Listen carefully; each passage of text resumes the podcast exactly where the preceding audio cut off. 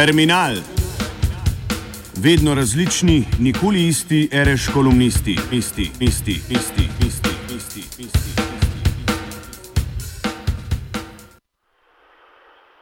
Albert in velika mala šola. Že tako je bila današnja kolumna pripravljena žalobno, potem se je vno umešala še smrt kot premnoge smrti v zadnjega pol leta tako da je treba zadevo posvetiti tako ali drugače našemu preminulemu radijskemu kolegu, izvrstnemu frontmenu in še kaj Bruno Subjotu, The Spoons, Hicket Nung, Muchless Gift, Roger and Out, Rebeka, Diki Bihardi, Borkezija, Inkurabili in še kaj vodja organizacije izvedbe programa na radiju Študent, sicer pa strasten zaljubljenec v godbe in muzike in v tem tonu tudi nadaljujemo s premnogimi smrtmi in se v tem juliju naberete še dve obletnici, kot, jo, kot eh, ju označuje tudi naslov pričujočega prispevka Albert in velika mala šola na eni strani 80 let rojstva, komaj 80 let bi bil star leta 1970 preminuli Albert Tyler. Proti koncu meseca,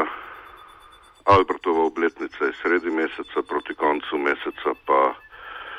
tragičen dogodek z Metelkove, torej rušitev male šole. Kako to dvoje spraviti skupaj, pa poskusimo in poglejmo. Albert Tyler je seveda figura, ki je močno povezana s temnem radijem. Imel je svojo oddajo Rože za Alberta, sicer pa gre za pihalca in človeka, ki je zadevo v nekaj letih svojega dela, svojega saksofonskega dela prignal na robu religije, pa vseeno ostal na tistem robu, je ni prestopil in je ostal izrazito politična oseba, človek, ki je odprl vrata za kasnejše svobodnjaške godbe in v nekaj letih dela uh, predstavil meje, tako da je dobil številne adepte, obenem pa seveda tudi produktivno nadaljevanje svojega lika in dela. Veliko krat se je govorilo, da tisto truplo, ki je priplavalo leta 1970 po Newyorški vzhodni reki, da je bila smrt posledica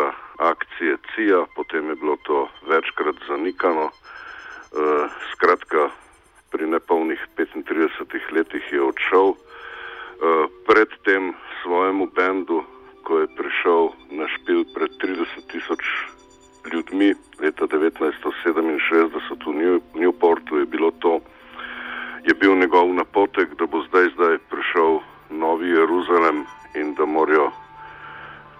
resnico o tem prihodu podati svojim strastnim špilom na odru. Že predtem buril duhove z izjavami, ki so bile eh,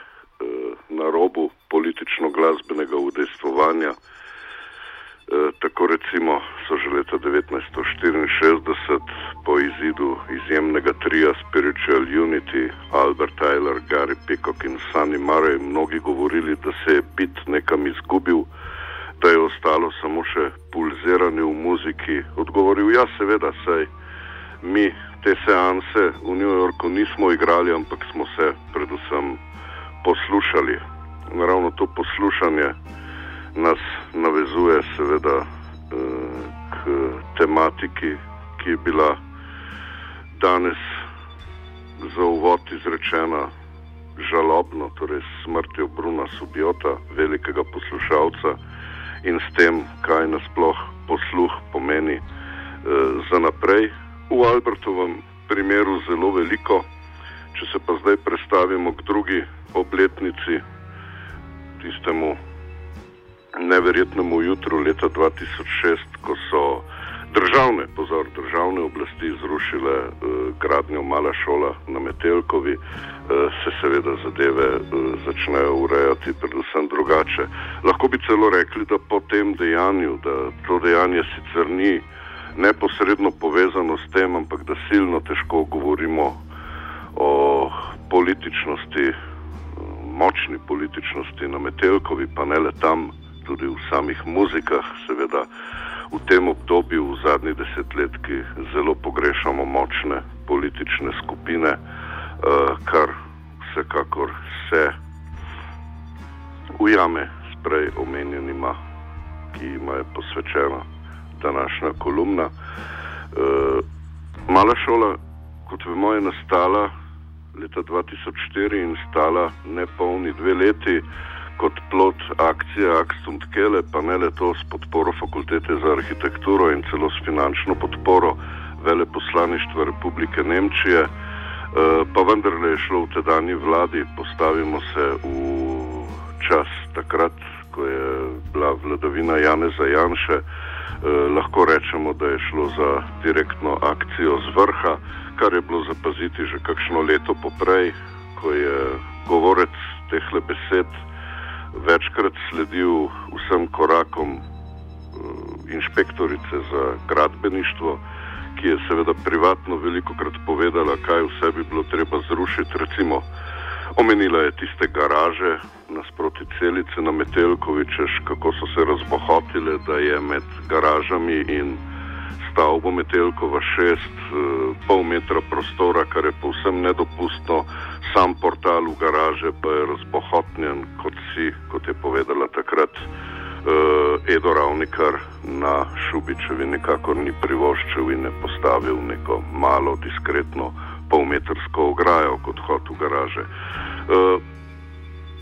izjemno tragikomično je bilo videti tudi neko pismo, ne polnega pol leta pred rušenjem male šole ki je prišlo iz Italije in mi ga je gradbena inšpektorica takrat pokazala. Uh, bilo je videti kot v filmu, črke so bile izstrižene iz časopisa, v, v italijanščini pa je pisalo, da gre glava, če se inšpektorica dotakne metelkove. Kakorkoli, uh, v tistem poletnem jutru se je razrušila mala šola in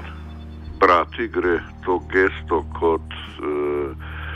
eno zadnjih dejanj od tistega, ko je politična moč krepko padla po referendumu za Evropsko unijo in NATO, kar je danes seveda in vedno znova uh, aktualno, ko se govori, da je imel, imel vstop v Evropsko unijo večjo podporo kot slovenski plebiscit. Ko se skratka uh, na veliko mešetari s statističnimi ocenami in kalkulira, kje smo danes in kam bo zadeva šla. Albert Tyler na eni strani 13. julija bi bil star komaj 80 let, uh, mala šola je takrat pomenila atri in družabno vzdušje, uh, relaksacijo s šahom, s sokovi, z diskretno glasbo za marsikoga in tako z Ajlerjevo pojavnostjo, kot na lokalni ravni, z malo šolo se je seveda spremenilo uh, marsikaj. Tisti festival stalne grožnje je seveda bil zadušen z eno samo gesto, uh, kot seveda je tudi uh, Ajler večkrat, večkrat v svoji pojavnosti kjer je imel na voljo tako za morsko bando, kot tudi mešane zasedbe in gnal svojo zadevo naprej, poudarjal vedno, kako je treba predvsem poslušati zven, ne pa prej znane in razupite in zlorabljene, tako imenovane uradne glasbene parametre, kot so višina tona, harmonija, melodija, ritem in tako dalje in tako naprej. Skratka, Albert Eiler, kot tisti, ki je postavil poslušalski izziv na povsem drug nivo, ki je odprl vrata, kot je imela odprta vrata tudi mala šola, v kateri je šlo za zbiranje drobnega števila ljudi. Neverjetno je, da na mnogih posnetkih Eilerja slišimo kakih 20 ljudi v ozadju, v aplauzu, kadar gre za žive posnetke. Težave so bile seveda tudi s posnetki v studiu pa vendarle se je figura postavila, kot rečeno, na prečujočem radiju, jo gre še in še omenjati, kajti neposredno se upisuje v tisti čas, ko so oddaje kot Rože za Alberta, celotna punk sekcija in tudi tedaj izjemno močno delovanje rock in opposition sekcije, ko so, ko so pač ponujale temu radiju eh, tisto zvočno sliko, ki mu je šla potem še desetletja in ki se pozna v sodelovstvu še danes. Uh, tudi pokojni Bruno, če zaključimo zdaj z njim, je imel rad to sliko, to širjavo, tako da se je zlahka našel tudi v svetovih rock'n'rolla, v tistem bendu, ki je šel pravzaprav kot multimedijska skupina, se pravi Borgezija. Ukvarjal se je tudi z bluzom, na zadnje pri Inkurabilih, torej je nekako sam znal svojo karizmo in svojim delovanjem na radiju strpno in človeško podajati to širino, kot jo je poznal tudi Albert Tyler in imel posluha za tiste drobne in pomembne reči, kakršna je bila recimo tudi na Metelkovi mala šola, ki je potem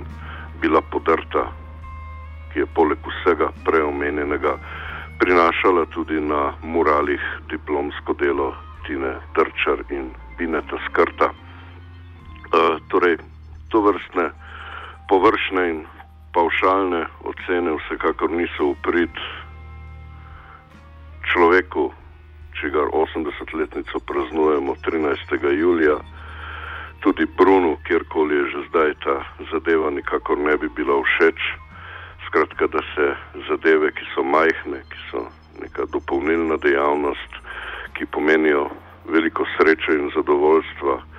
neki manjšini, da se zbira ne le v zatemnjenih prostorih,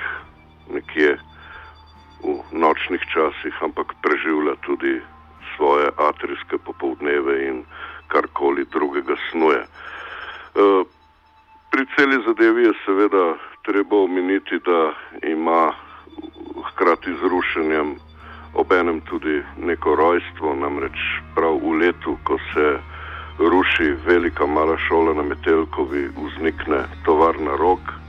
a vendarle v to se ta hip ne bomo spuščali. Danes smo imeli bolj kasarniške teme. Tudi Albert Tyler se je veliko svojih melodij naučil v vojski, bil je povezan s kasarnami in svoje melodije, ki so imele harmonsko strukturo, zasnovano z raznimi koračnicami in jih potem pregnetle, prežvečile po svoje, postavile v nek star, predvsem pa v nov čas, ki je svrlel nekam naprej. To vrstne reči so seveda pomembne in dinamika v tem kasarniškem življenju je tisto, kar posveti čudaštvo Alberta Eilerja in malo poslanstvo velike male šole, ki je trajalo ne polne dve leti. Zdravo.